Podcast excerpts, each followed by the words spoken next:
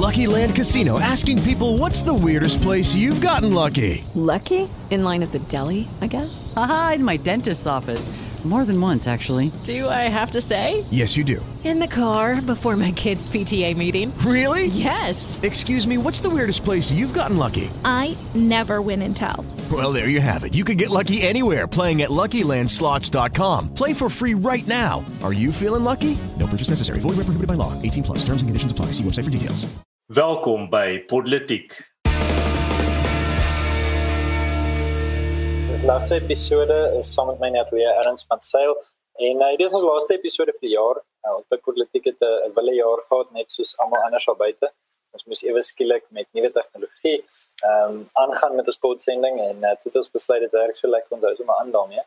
Ehm um, en ons gaan 'n bietjie jaar oorsig hê. Natuurlik verlede jaar was 'n jaar van die wêreldbeker en 'n jaar van 'n klomp groot nuwe dinge. En hierdie jaar was eintlik 'n groot mate nie so jaar nie. So erns as ek vir jou sê 2020. Kom ons sê dis die jaar 2040 en jou laaitjie kom na jou toe en sê pappa vertel my van 2020. Wat sê dit hmm. van gesê? Wel, uh, ek dink die gewone persoon sal definitief heel eers te gaan na uh die uh, COVID-19 pandemie en die staat van inperkings rondom dit. Maar as ek moet eerlik wees in terme van waar my gedagtes eers te gaan, is dit meer die waarde van vryheid en die waarde van eintlik die vryhede wat ons gehad het wat net so maklik kon weggeneem word. En ek dink dis iets wat baie na vore toe gekom het hierdie jaar en baie duidelik geword het. Was die feit van nie net wel eerstens hoe maklik en hoe gretig regerings reg oor die wêreld, nie net in Suid-Afrika nie, uh was om hulle burgerreise vryhede te beperk en te verwyder en dan ook tweedens en bietjie meer teleurstellend uh hoeveel van die burgers was bereid om net saam in dit te gaan en dit te aanvaar uh vir die die vir die waarde van uh, nie vir vryheid nie maar van veiligheid. Um, en ek dink maar dis nie iets nuut nie as jy kyk na die mense mense geskiedenis was dit nog altyd die groot toutrek tussen veiligheid en vryheid. Um ek dink ek dink nie daar is een of die ander wat 100% perfek is nie. Jy kan ook nie in 'n anarchistiese samelewing lewe waar almal 100% vryheid het, uh, maar niemand is veilig nie. Jy weet nie of jou uh, kinders eers môre aan saam met jou rondom die etenstafel gaan sit nie. So vir my dink ek is daai as ek aan 2020 dink, dink ek definitief aan die waarde van vryheid en ek dink aan hoe broos dit eintlik is en ek dink dis miskien iets wat baie mense 2020 het vir baie mense dit in perspektief gesit veral vir my. Ja, so erns ek dink ek dink vir my jy weet Kom kom ons kyk so 'n bietjie van 'n van 'n filosofiese agtergrond. Ek en jy het die voordeel dat jy jy het 'n PhD klaar geswat en ek is so 2/3 deur ene. Ehm um, so mens sê die die bietjie die, die helikopter ehm um, uitsig oor dinge, bietjie die breër perspektief. So jy weet ehm um, wat as ek die geskiedenis kan vertel hoe ek dit in my eie kop ook regverdig. Dis natuurlik, jy weet daar was 'n feudale stelsel en die verligting het die die wêreld uit dit uit begin kom. Iemand soos René Descartes wat in die begin van die 17de eeu gesê het, maar ek dink daarom is ek. So daar het hy gesê die vermoë om te dink is dit wat my fundeer as 'n wese. En Thomas uh, Hobbes natuurlik een van die mees bekende politieke denkers het toe nadat hy gesien het hoe burgeroorlog Engeland uitmekaar uitskeer het hy gesê daar moet hierdie massiewe regering wees wat massief groot is en jy gaan nie met hom stry nie en hy het dit Leviathan genoem. Hierdie massiewe struktuur wat jou kollektiewe wil verteenwoordig en ons is in 'n sosiale kontrak waar ons 'n deel van onsself in hierdie ding insit en daarom is ons onderhoorig. En John Locke wat daarop gereageer het, waar Hobbes baie meer aan die koning se kant was en Locke aan die ander kant, het Locke gesê, maar sekerlik kan jy iemand net straf in sover as wat sy oortreding groot was. Sekerlik kan elke mens net die eiendom vat wat hy kan en gaan gebruik. Ehm um, jy weet en daardeur die fundering van eiendomsregte hoofstuk 2 van boek 2 van the treatise uh, on the government as ek reg is.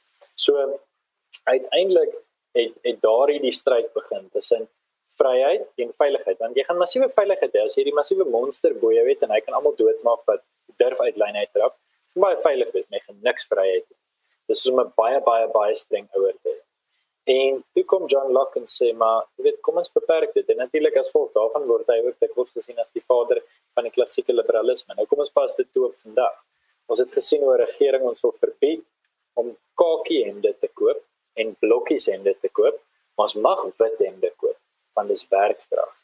Ons mag nie T-hemde koop nie want dit is sportstraf. Ehm um, maar ons mag wit T-hemde koop en dit kan tel as 'n vrokkie.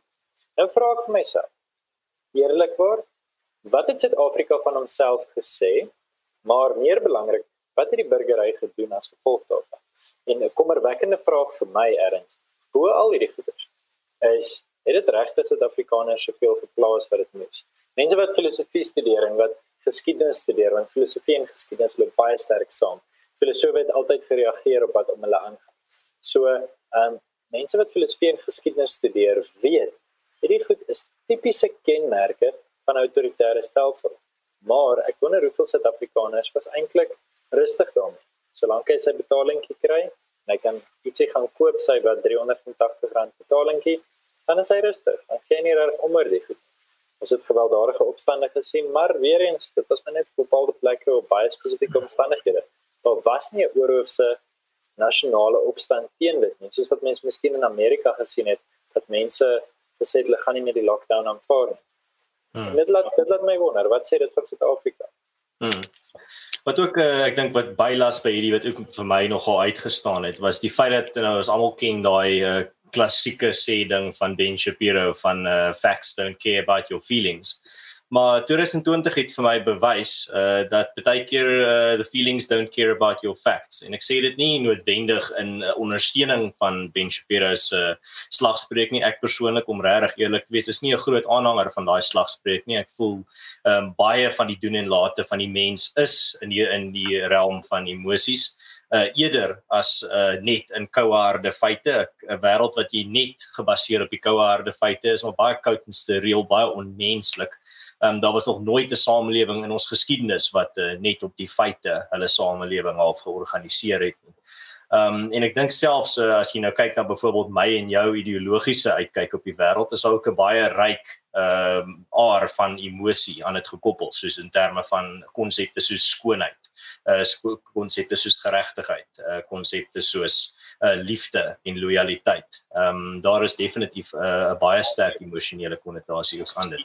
Maar om terug te kom op die punt wat 2020 definitief ook gewys het, is die feit dat daai emosies wat gekoppel is aan veiligheid, ehm um, speel 'n baie groot rol in mense se lewe net soos wat jy gesê het. Maar terselfdertyd, ehm um, dit wys ook dat die ons meer libertynse uh uitkyk of, of ons vriende met meer libertynse uitkyke um, kon baie goed die probleme analiseer en identifiseer, maar kon nie regtig van wat ek kon sien die praktiese oplossings na vore bring wat regtig 'n ongelooflike sterk dolk in die in die hart van die monster was nie. Ehm um, hulle kon ongelooflike verslae skryf in terme van hoekom 'n uh, staat van inperkings nie gewerk het nie, hoekom vryheid belangrik is, vryheid teen alle kostes en selfs die dra van maskers uh volgens baie van hulle is absoluut 'n stap te ver. Maar hulle kon nie regtig in die regte wêreld in die wêreld van uh die, die in die fisiese wêreld soos ek sê die die monster reg doodmaak nie. En ek sê dit nou nie in terme van om heeltemal alle libertynse idees te verwerp nie maar dit was definitief iets wat na vore gekom het in terme van die debatte veral in ons sirkels en in terme van tussen ons bondgenote as organisasies uh, in die solidariteit beweging en ons uh, bondgenote Ehm um, en ek dink dit is miskien iets om bietjie meer oor te dink is hoe veg jy terug teen 'n mag wat uh, jou vryheid probeer wegvat. Jy praat nou van uh, hierdie groot monster wat oor jou hang en wat uh, jy gaan baie veilig wees maar glad nie vry nie. Hoe veg jy terug teen hierdie monster? Ehm um, kla jy heeldag oor uh, hoe min vryhede jy het? Uh, skryf jy teen die mure uh, groot uh, in groot letters wat wat se vryhede jy graag sal wil hê en wat se vryhede jy reg tot sou uh tot, tot wat jy 'n reg het soos John Locke sou sê uh lewe uh eiendom en uh wat is die derde een? Um uh ja life liberty life ja. liberty and property ja, ja. maar uh, Jefferson het gemaak pursuit of happiness. Ja.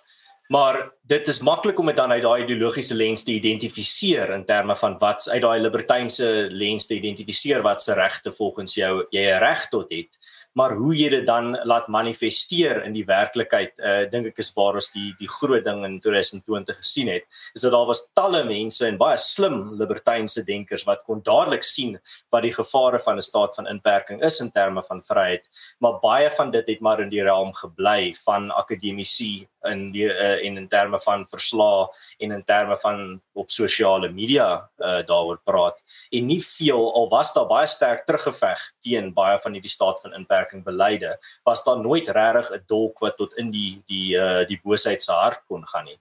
Um en dis kom ons tot vandag toe nog uh, staat van inperkings reg oor die wêreld sien uh, en daar's nog nie regtig 'n uh, baie effektiewe uh aanval of 'n terugstamp teen dit nie. So erns kan ek vir jou kan ek eerlik sê hoe sien ek samelewing en mense rol daarin. Ek dink dat ongelukkig in ons tyd kyk in die kom ons sê in die middeleeue was inligting nie beskikbaar nie. So jy het altyd jou jou inligting jou jou gevolgtrekkings deduktief gemaak. Jy ehm um, of skielik induktief gemaak. Jy het altyd gekyk na wat jy om jou sien en dan het jy gedink watse patrone sien ek raak en dan het jy hipotese gehad, miskien is hierdie die realiteit en dit was dan jy weet jou teorie. En ongelukkig dink ek daar's baie mense wat aan die ander kant omkyk na dit. Mense wat dink ek het eers iemand hoor praat, hierdie persoon is 'n libertariër, daarom is ek 'n libertariër en daarom gaan lees ek wat glo libertariërs en ek glo dit nie. Of klassiek liberaal of klassiek konservatief, waar ek myself wel tipies. Of ehm um, jy weet 'n nasionalis of 'n sosialis of 'n marxist wat ek al. Ek gaan lees wat behoort hierdie ideologie eintlik te wees en dan word ek dit. En ek dink dis die mees verkeerde manier om dinge te doen. Ek dink hierdie induktiewe benadering is baie meer sinvol. Stop vir 'n oomblik. En ek wil as ek een ding kan sê vir die gemiddelde ANC ondersteuner, sal dit wees stop. Kyk om jou. Vergeet van alles. Kyk om jou en sê vir jouself, wat is dit wat ek om my sien? Jy vergeet van die ideologiese bril. Kyk letterlik net, wat is dit wat jy om jou sien? Ehm um, en watter patrone kan jy raak sien? En as jy patrone die hele tyd raak sien, watter hipotese kan jy maak? Toets daai hipotese, as hy waar is, dan kan dit jou teorie wees. So as 'n party konstant jou persoonlike vryheid inperk. En 'n party is konstant besig om jou geld te vermors. Dan is dit patrone wat jy kan raak sien. Dan, so dis 'n een observasie, dit word 'n patroon. Dan kan jy op 'n punt kom met 'n hipotese begin skep en sê, hierdie ouens wat my heers, wil my vryheid inperk. Ehm um, en hulle vermors my geld. As dit die twee belangrikste en mees sigbare dinge. En dan kan dit jou teorie word. En dan kan jy gaan en sê watter wêreldbeskouing het ek op grond van hoe ek voel hieroor.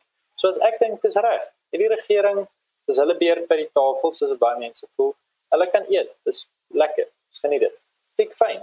Dan kan jy tipies 'n sosialis of 'n marxist of wat ook al wees of glo 'n sterk sentrale regering want jy glo dat hulle onreg teenoor jou is geregverdig. Hmm. Of jy kan gaan en sê, "Oké, okay, op hierdie stadium glo ek 'n uh, 'n klein regering is 'n beter oplossing." Of op hierdie stadium glo ek uh, ek ek soek nog steeds 'n regering, hy moet net bevoeg wees. So ek hou nie van die een nie, maar ek hou van die konsep van 'n regering of iets van die aard.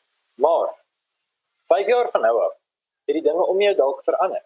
En dan moet jy bereid wees om eerlik te wees en te sê, "Wel, ek is nie, jy weet, in in eister gegiet aan hierdie politieke ideologie nie." Ja, ek het my vaste beginsels wat in my geval Christelike beginsels is. Maar daar gaan 'n tyd wees wat ek sê luister hierdie mense gaan dood op straat. Kry een van 'n sentrale program en maak 'n plan. En jy weet, binne die solidariteit beweging waarna jy verwys het, hoeveel keer het ons al gegaan en gesê bring vir ons kos, ons gaan dit versprei wat baie sentralisties is vir 'n oomblik. Maar dan kan ons ook gaan en sê ons soek kleiner regering of minder belasting. Hoekom? Want jy moenie getroud wees aan een of ander simpel ideologie nie. Die ideologie is 'n naam van iets wat al klaar moes verskyn. En as daar niks is wat jou beskryf nie, los dit. Dan dan kan jy sê, weet jy wat, ek pas nie in by moderne norme nie, nie op hierdie stadium nie. Ek ek is dalk meer gelowig as die regering, maar ek ek is nie so sentralisties soos hulle nie. So ek stem nie saam met die regering nie. Ek is nie kan nie libertariër wees nie vir redes X en Z.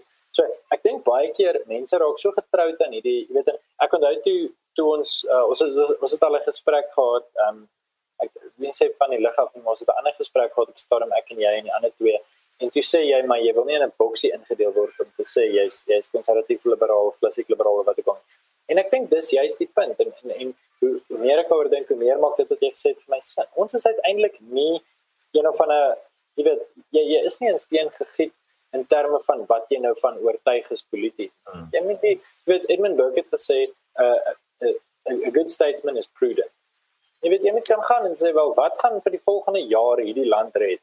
Ehm um, en, en ek dink goeie politici dit verstaan. En ja. ons politici verstaan dit nie. Ja, nee absoluut, Paul, ek stem 100% met jou saam. Ehm um, ja, in terme met miskien om daarby by te las, uh, daar's eintlik so 'n grap op my Engelse kanaal, op my Conscious Carico kanaal dat uh, ek is 'n van Silas as jy mense vir my vra wat ek is. Ehm um, dit is as ek nou regtig moes as iemand 'n geweer teen my kop en vra wat sy ideologie is het dan het ek dan dit my antwoord. Maar ek dink 100% wat jy daar sê is absoluut die pad om te gaan.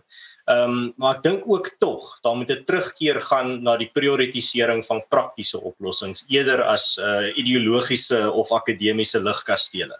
Ehm um, ons leef tans in 'n wêreld waar ons geregeer word deur uh mense wat utopie probeer bou en mense wat 'n uh, visie het van 'n baie blink toekoms of dit nou vir hulle land of vir die, vir die wêreld is.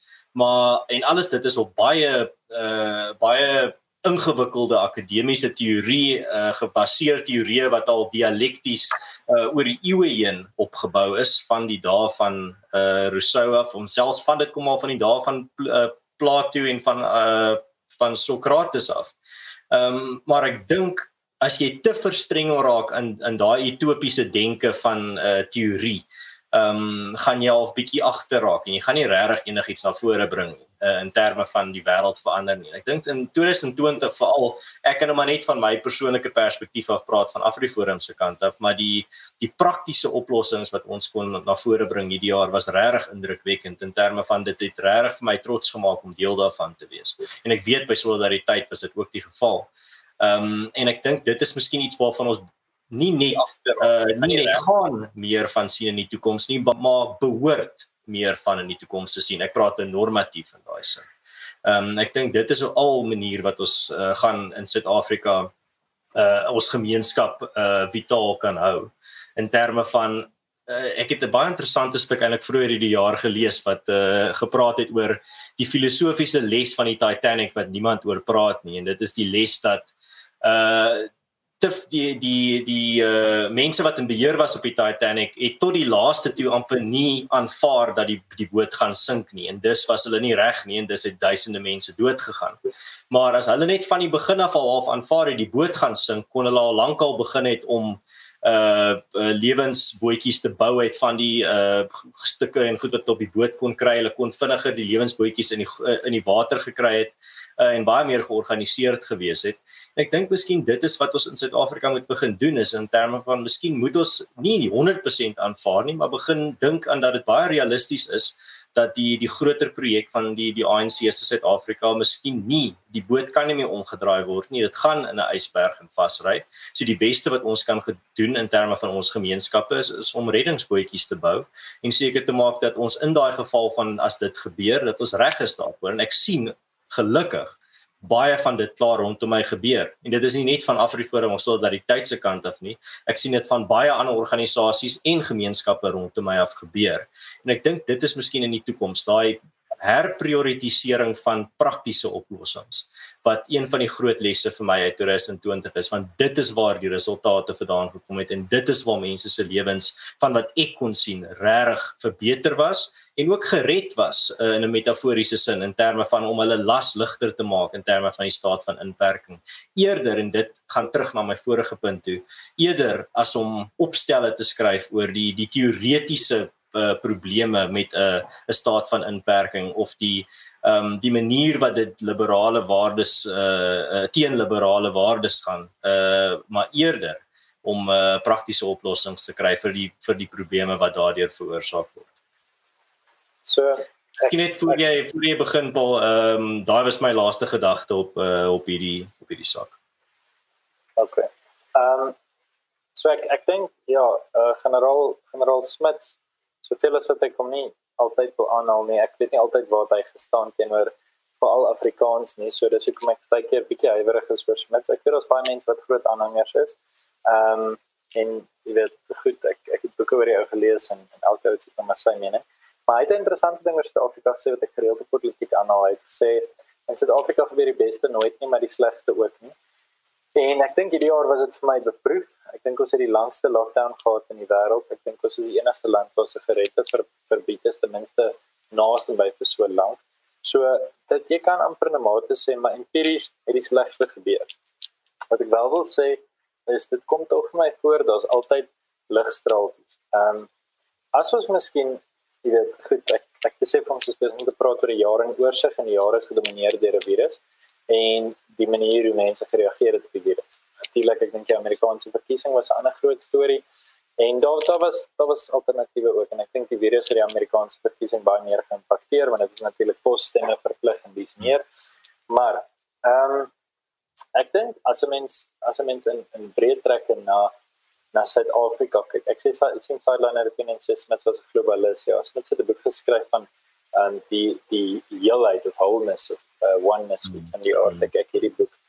Maar goed, uh, dit dit op dit op sy self. Ek ek dink op hierdie stadium daar is ligstraaltjies. Wat ek aanhou sê en jy het dit al in meningsstukke gesê, ek het dit al op die lig gesê. Ons moet onthou ons het 'n historiese missie.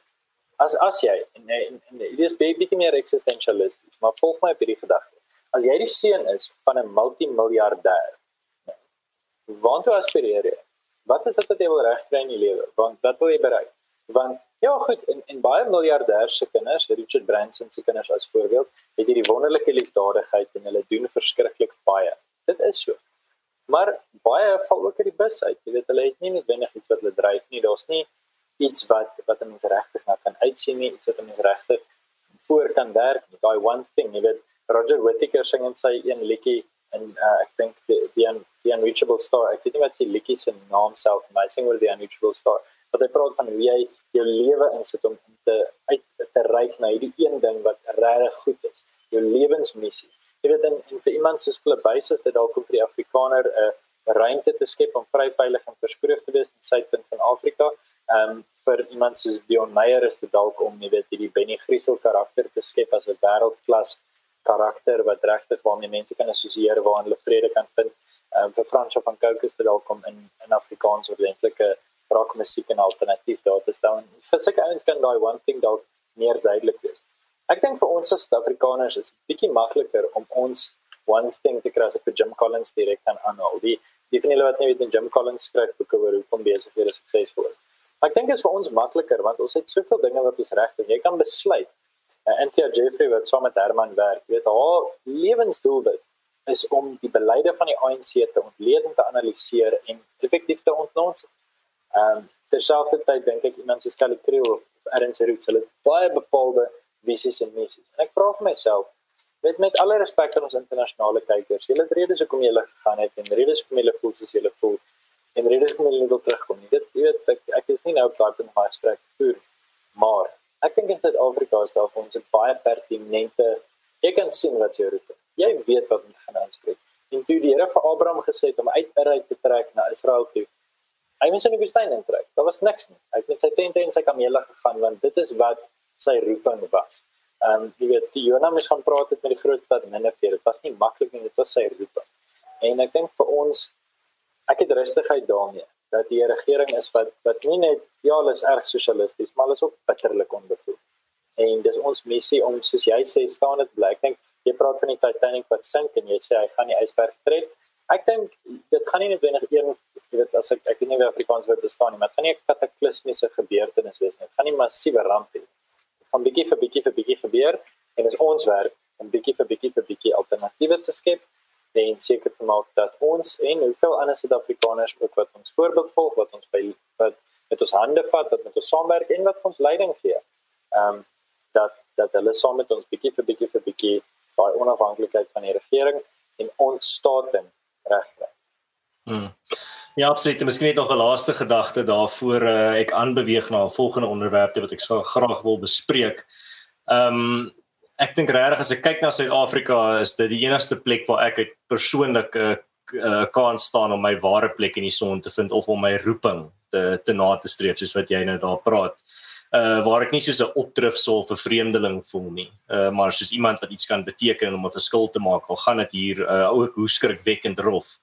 Ehm um, daar was so 'n ander daar's 'n gedig wat oor dit gaan waar hulle sê van ehm um, sit al waar dis nie presies wat dit gaan nie. Ek gaan dit eintlik moet gaan opsoek een of ander tyd, maar dit is al hy sê uh Suid-Afrika is uh, die enigste hoek in die middel uh, is die enigste uh, plek in die middel van nêrens waar ek voel dat ek uh uh my plek gevind het en ek dink regtig in in terme van mense se roepings nastreef, ehm um, dit is die enigste manier om 'n vol lewe te lei. Uh, wil jy regtig 'n nommer gaan wees uh, in 'n land waar jy net uh, in jou woonstel sit en uh, saam met 'n klomp vreemdelinge rondom jou?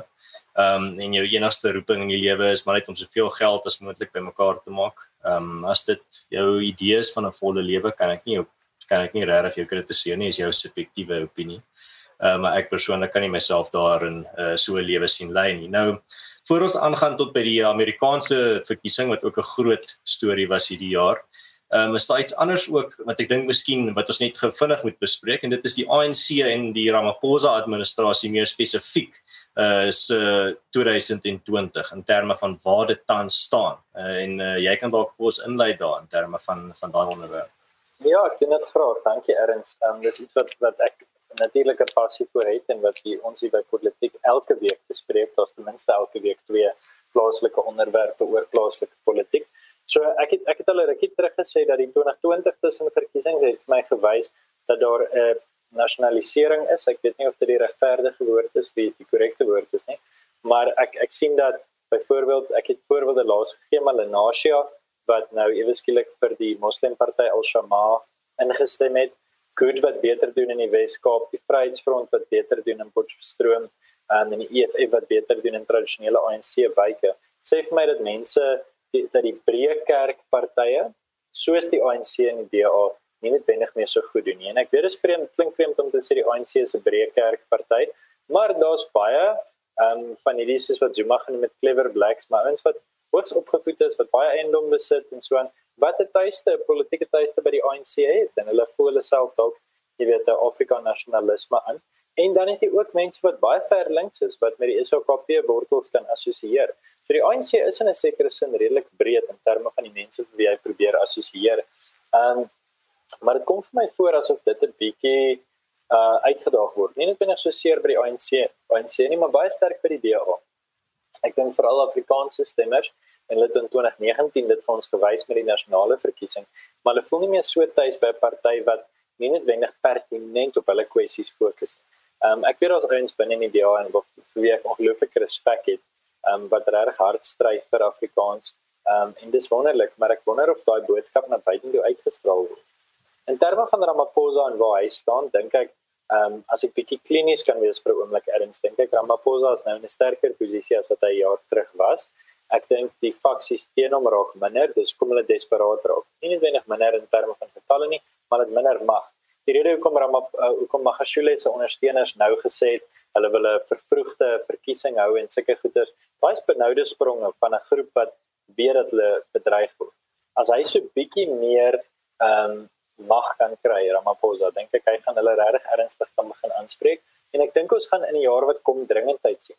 Ramaphosa wil voor einde 2022 ehm um, wil hy dink ek jy weet die top 6 van sy drome eintlik al in plek het. So as hy vir Magashule Magashule is wil aandoen, dan moet hy dit nou doen. Want anders gaan Magashule homself mag bymekaar kry en hy gaan hom in 2022 uitdaag vir presidentskap en dalk kan hy dan genoeg beloftes maak vir presidente kry of ouens wat patroon toe is aan sy kant kry. Ehm um, so ek ek dink Ramaphosa het 'n bietjie meer mag in terme van waar die ANC self staan, dink ek hulle is rooier as ooit hulle probeer op hierdie stadium om die wetgewing vir grondonteiening sonder vergoeding deur te druk. Ehm um, natuurlik dit het ons geweet al vir so 2 of 3 jaar dat hulle dit wil doen, maar hulle raak baie ywerig daaroor. Dan kan 'n mens ook sien hulle begin nou grond beskikbaar stel maar sonder titelaktes. Ons het geweet dit kom op 'n stadium hulle het al hier en daar gedoen, maar hulle begin dit nou op 'n groot skaal doen. Dis 'n tipiese ding van 'n kommunistiese land om te sê die grond behoort aan die regering, maar jy kan dit hier vir 'n sekere hoeveelheid tyd teen 'n sekere hoeveelheid koste. Ehm um, en dan gaan jy natuurlik huiwerig wees uh om om die grond te verbeter want dit is nie joune nie en jy bou nie 'n huis vir 25 jaar nie. Dis nie die moeite werd nie. Uh of om baie geld in so 'n huis te sit nie. So jy weet daai tipe goeders is die ANC mee besig. Hulle vra vra oor wapenregte, hulle vra vra oor vryheid van spraak. So hulle het eintlik nie nuwe idees nie. Hulle het maar net gaan kyk wat die kommunistiese ehm um, lande gedoen het tipies in die Sowjetunie, tipies in Kuba. Ehm um, in terme net as ek vinnig kan afsluit op die ANC, hulle grootste foute vir die jaar, ek dink die Kubaanse dogters gaan afgaan as een van die historiese faux pas. Ons sien dit nie op hierdie stadium vir hoe groot dit is nie, maar die feit dat hulle nie nou geld het om finale jaar mediese studente te plaas nie, maar daar was geld om dokters van Kuba af oor te bring wat waarvan baie die virus gedra het en dokters wat nie die taal kon praat nie. Ek dink dit gaan histories afgaan as een van hulle swakker buitelandse besluite.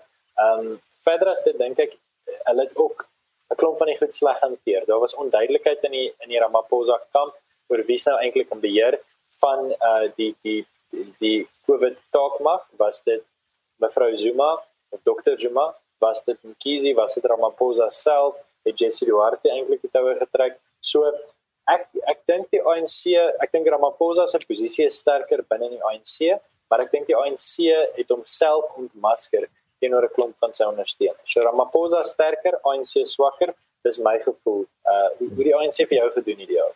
Hmm.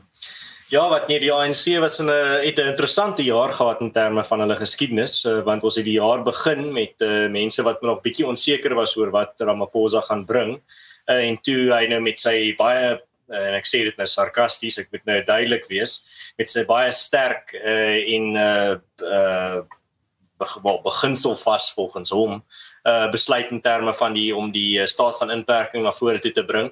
Ehm um, het daar was so nadat die staat daai eerste 21 dae staat van inperking uh begin het was daar so vinnige spruit van uh Ramaphosa wat weer na vore toe gekom het waar mense nou gesê het maar hierdie is sterk leierskap. Uh Cyril gaan ons red. Dit is die sterk leier wat ons voorgestem het. sien ek was reg. Julle moes vir Ramaphosa gestem het want nou in 'n tyd van krisis het ons die regte leier. Um in toe daai 21 dae gekom en gegaan uh, en hier sit ons nog steeds vandag uh met uh, inperkingsmaatreëls. Um dit is seker die langste 21 dae van baie mense se lewens uh, as ek dit so kan stel. So vir my dink ek wat daar gebeur het is uh, en ek het dit nogal dit was 'n kontroversiële opinie van my op politiek aan die begin van die jaar. Ek het gesê hierdie staat van inperking kan eintlik 'n baie goeie ding vir die ANC en vir Ramaphosa wees. Uh, want dit gaan wys hulle daai wat ek nou net beskryf het van sterk leierskap en Ramaphosa gaan weer sterk wees en almal gaan sê maar dis wat nodig was maar toe het hulle net laat heeltemal oorspeel. Uh en daai Ramaphosa het vinnig verander in 'n uh, klomp ouens wat nou mense wat voorheen sy ondersteuners was wat nou sê my die man uh sy administrasie het, uh, is rigtingloos. Um en 'n ander ding wat ook gebeur het in terme van die die kommentariat van die land is die feit dat baie van die die ou die die opinie uh die meningsvormers uh, wat heeltemal al hulle geld op Cyril gesit het om hierdie groot redder te wees. Um is nogal erg ontbloot in 2020 want die groot meerderheid van wat ek kon sien, ehm um, se egos was nog net te groot om te erken dat hulle het op die verkeerde perd hulle geld gesit. Ehm um, baie hou nog vol dat eh uh, Cyril Ramaphosa is die is die man wat ons gaan red en hy is die uh, die Moses wat ons uit die woestyn uit gaan lei. Ehm um, maar meer en meer mense kan sien dit is duidelik nie die geval nie. Ehm um, so ek dink daar's baie respek verloor vir die meningsvormers in die hoofstroom media in terme van hulle wat hulle geld op Cyril Ramaphosa gesit het. En daar's ook baie vertroue in die hoofstroom media as geheel verloor in terme van van hierdie stukke wat ons gesien het uitkom uh, waar hulle gesê het Cyril Ramaphosa is magnifiek en sy toesprake herinner hulle aan Winston Churchill en dit is een van die sterkste leiers wat ons nog ooit in ons geskiedenis gehad het dit het regtig vir mense op hulle hoede nou gesit in terme van 'n media wat volgens my gekaap is deur die eh, deur die ANC tot 'n groot mate. Of dit nou uh deur uh of hulle nou gedreig word en of hulle deur geld en of hulle net inkoop by die ANC se ideologie 'n debat vir 'n ander dag. Maar ons het duidelik 'n hoofstroom media wat nie hulle verantwoordelikheid voldoen in terme van om die regering te kritiseer en die gewone man op straat die ware feite te gee nie. Ehm um, want dit lyk vir my van die grootste meningsvormers in die hoofstroom is nog steeds besig om die ANC fak die Cyril faksie se se skoene te lê. Ehm um, ek dink dis iets wat definitief in 2020 het eh, die vertroue in die hoofstroom media baie gedaal in Suid-Afrika. Want dit is dieselfde meningsvormers wat die staat van inperking amper al as bitter einders verdedig het tot amper op die laaste. Ehm um, en dit het regtig baie mense vervreem in terme van meningsvormers wat hulle dalk baie respek voor gehad het.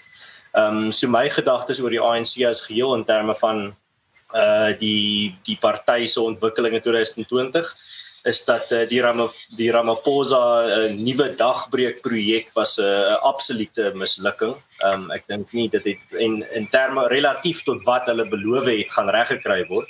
Dit was maar net meer van dieselfde. Maar terselfdertyd wat ons hierdie jaar gesien het is ongelooflike uh, nuwe vlakke van uh uh uh kragonderbrekings in terme van uh Eskom en ook iets wat en ek ek, ek dink Ramaphosa is goed op pad om meer uh ure van kragonderbrekings onder sy oorsig te hê as wat uh, Zuma gehad het in terme van ure. En die ander ding wat ons gesien het is 'n president wat baie meer polariserend is as sy as die president voor hom volgens my in terme van uh om die uh om minderhede in sy land as 'n uh as 'n verskoning te gebruik. Of om te praat van wit mense of te praat van white uh, wit bevoordiging en om te praat van om apartheid weer half die die die die vrot liggaam van apartheid onder die grond uit te grawe weer en in die in die uh, publiek in te sleep uh, het Cyril Ramaphosa regtig nie baie teruggehou in terme van daardie vieslike goed doen nie. En ek sien hom as 'n ongelooflike polariserende president en ek sien en ek sien sy administrasie as 'n administrasie wat direk betrokke was in rasseverhoudinge wat versleg het onder hulle hulle oorsig in terme van die retoriek wat hulle gebruik het en deur glad nie uh, byvoorbeeld die retoriek van die EFF te kan aanspreek. Ek jou. So Miskien uh, kyk ek dink oor die Suid-Afrikaanse politiek sal ons in die jaar wat kom vir die ouers politiek luisteraar baie analise gee. Ons kyk natuurlik uh, ons sien natuurlik uit na 'n komende munisipale verkiesing in Mei maand volgende jaar omtrent. Dit is moeilik om presies te sê. Maar kom ons uh, gooi oogie oor die water hmm. en erns gou slegs 'n bietjie af met sekerlik een van die grootste stories van die jaar, dis die Amerikaanse verkiesing. En dis 'n storie waaroor ons nog nie regtig klarigheid het nie. Ehm um, ek ek glo almal wat politiek luister is deeglik bewus daarvan dat op hierdie stadium staan dit sodat die populêre stem blyk dat Biden oor 81 miljoen stemme gehad het, Trump oor die 75 miljoen of so massiewe getalle in terme van Amerikaanse verkiesing, massiewe uitkeersyfers. Die groot storie is natuurlik die vraag van Trump wat nie toegee dat hy verloor het nie want hy is daarvan vas oortuig dat daar uh, verkiesingsbedrog was en heelwat getuienis wat aandui dat hy dalk nie verkeerd is nie. Terselfdertyd word die vraag natuurlik gevra maar het dit 'n impak gehad, sou dit 'n verskil gemaak het en dis meer. En ek dink hierdie is 'n ding wat die wêreld baie gepolariseer het. Ehm um, in in selfs binne in die Trump kamp is daar vier of vyf menings en binne die Biden kamp, al ek dink almal van hulle het maar dieselfde mening en dit is dat Trump nou maar net kapituleer. Maar ek ek dink tog daar is hier en daar 'n demokraat wat sê, jy weet, ehm um, die verkiesing moet tog regverdig wees. Nou ja, ek weet jy het jou jou vinger baie meer duidelik op die pols gehou. Ehm um, miskien kan jy vir my sê wat wat jou wegneem van die storie is en uh, dan daarna kan ek ons uh, die episode afsluit. Hmm. Wel, daar was uh, 'n paar nuwe ontwikkelings in terme van verkiesingsbedrog. Daar is nou konkrete bewyse van verkiesingsbedrog wat plaasgevind het op verskeie uh, plekke in terme van videobewyse en natuurlik ook die ooggetuies wat bereid is om na vore toe te kom en daar's duisende van hulle. Ehm um, en soos enigiemand enigiemand sal weet in 'n in 'n kriminele saak is 'n ooggetuie uh, baie waardevolle stuk ehm um, bewyse. Dis nie net sommer iets wat jy van die hand af wys nie. Maar dan ook in terme van ek dink en ek dink hierso is die groot vraag nou. Op 'n tyd was die vraag was daar verkiesingsbedrog? Dit is nou bewys in terme van baie van die bewyse wat nou na vore gebring word. Daar is video van van dit wat gebeur. Die groot vraag nou is was dit genoeg om die verkiesing te swaai? Nou niemand kan regtig vir jou nou die antwoord daarop gee nie. Ons gaan op die ou end eers moet wag uh, tot al die ehm um, ondersoeke en hofsaake verby is voor ons miskien nader aan 'n antwoord gaan kom. Ons gaan dalk nooit 'n antwoord hê nie. Maar die groot vraag nou is nie meer was daar verkiesingsbedrog nie, maar was dit genoeg om die verkiesing te swaai? Ehm um, volgens my uh is die kans dat Joe Biden uh op die 20ste Januarie uh die kroon op sy kop gesit gaan word so rondom 95%. Ek kan nie regtig sien hoe Donald Trump ook maak nie saak hoeveel bewyse of wel nie maak nie saak hoeveel bewyse nie, maar tot al kry hulle baie bewyse, kan ek nie sien dat hulle so 'n harde terugdruk kan gee teenoor hierdie in terme van uh regs uh die regstelsel of die Supreme Court uh om die verkiesing om te draai nie. Uh ek kan regtig nie dit sien gebeur nie. Uh, uh miskien tot die teleurstelling van baie van ons luisteraars. Ehm um, maar terselfdertyd, ek dink mense moet ook in ag neem tot al sou Trump reg kry, hy en sy span reg kry om die verkiesings uh die verkiesing om te draai en hy wen gaan hy gaan hy ook 'n legitimiteitskrisis hê vir die volgende 4 jaar. En net soos wat Joe Biden gaan hê as hy nou uh op die 20ste die kroon op sy kop gesit word, gaan sy administrasie ook vir 4 jaar 'n legitimiteitskrisis hê. Die Amerikaners Amerikaanse demokrasie is nie in 'n goeie posisie op die oomblik en dit is hoekom ek hierdie soort ondersoeke uh en die die uh uh die die regstappe wat nou deur die die Trump span geneem word verwelkom want ek dink hoe meer duidelikheid daar op die saak kan kom, kan dit definitief help om die val sagter te maak of die chaos te verminder en die sosiale vervreemding wat, wat definitief gaan gebeur te verminder. Ehm um, dis hoekom ek sê hulle moet definitief soveel uh ondersoek doen as moontlik, so deeglik as moontlik en so 'n deeglike en uh goeie antwoord vir die Amerikaanse publiek kan gee as moontlik aan die einde van dit alles. Um, en ek dink die demokrate en die republikeine moet hierdie soort uh ondersoek ondersteun en hierdie soort uh inkyk in hulle demokrasie ondersteun want dit kan net positief wees in terme van dit. Maar die slegte nuus is op die 20ste Januarie is daar 'n 100% kans dat helfte van die land gaan ongelooflik vervreem voel as dit Donald Trump is wat wen, gaan die Biden ondersteuners sê maar nou het Donald Trump dit gesteel. As dit Biden is wat wen en daar was nie 'n uh, volledige ondersoek gedoen wat wat baie goed kan bewys dat daar was nie verkiesingsbedrog of genoeg om die verkiesing te swaai nie, gaan Trump ondersteuners die oorweldigende meerderheid van Trump ondersteuners glo maar die verkiesing was van hulle gesteel. So interessante tye wat vir Amerika voorlê en ek dink onstuimige tye. Uh ek moet eerlik wees in daai opsig. Ek dink nie dit gaan uh 'n ongelooflike ehm um, hulle praat nou van uh, om uh, hulle eie uh woorde te gebruik. Hulle praat van uh, eenheid wat hulle nou wil terugbring onder Biden in Amerika. Ek dink die volgende 4 jaar gaan alles behalwe dit wees uh maak nie saak wat se uitkoms die 20ste Januarie gebeur nie.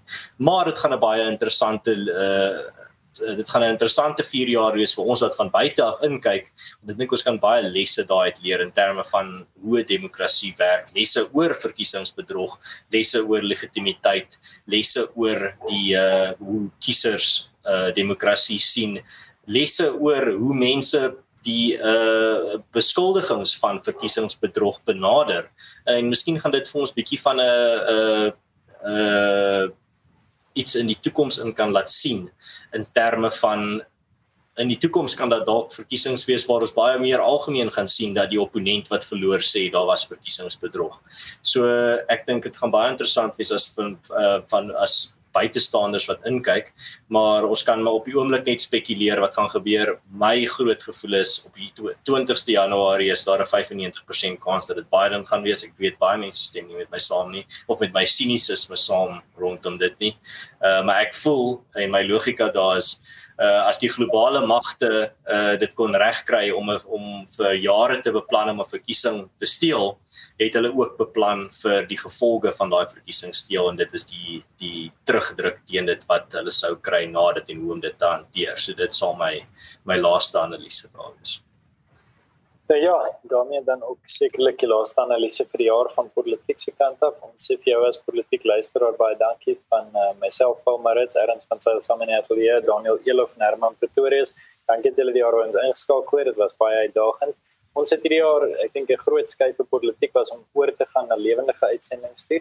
Vir jou wat getrou op Marula Media luister, ons waardeer jou deelname natuurlik net soveel. Ehm um, maar ek dink hierdie skuif na lewendige uitsendings op Facebook en YouTube het vir ons 'n nuwe dinamika gegee en dit is om direk interaksie te kan hê met opmerkings en kommentare en dit gaan juis ook oor die debat. Nou uh dan wil ons jou sê sterkte sien 'n Kersfees voorspoed met die nuwe jaar. Onthou waaroor dit reg te gaan. Kom by jou mense uit. Ek dink uh ons veral as mens in die stad bly, vergeet ons baie keer dat die mense eintlik maar 'n trop dier is en hy trop is nie so groot soos wat ons dink hy moet wees nie. Ehm um, pas jouself op. Politiek behoort hier by die 12de Januarie weer 'n episode jou kant toe te stuur dit was vir ons 'n eer en 'n voorreg om analise te kon doen uh, in 'n regtig moeilike jaar en dankie vir getroue ondersteuning. Dit is lekker om te sien hoe die getalle groei. Vertel mense van politiek as jy Kersfees uh iets soek om oor te praat en uh ondersteun ons gerus natuurlik al ons ondersteuningsplatforms is op ons webblad en gereeld op ons Facebook en op ons al ons sosiale media en dan selfs ons weer in die weer. Totsiens. Totsiens.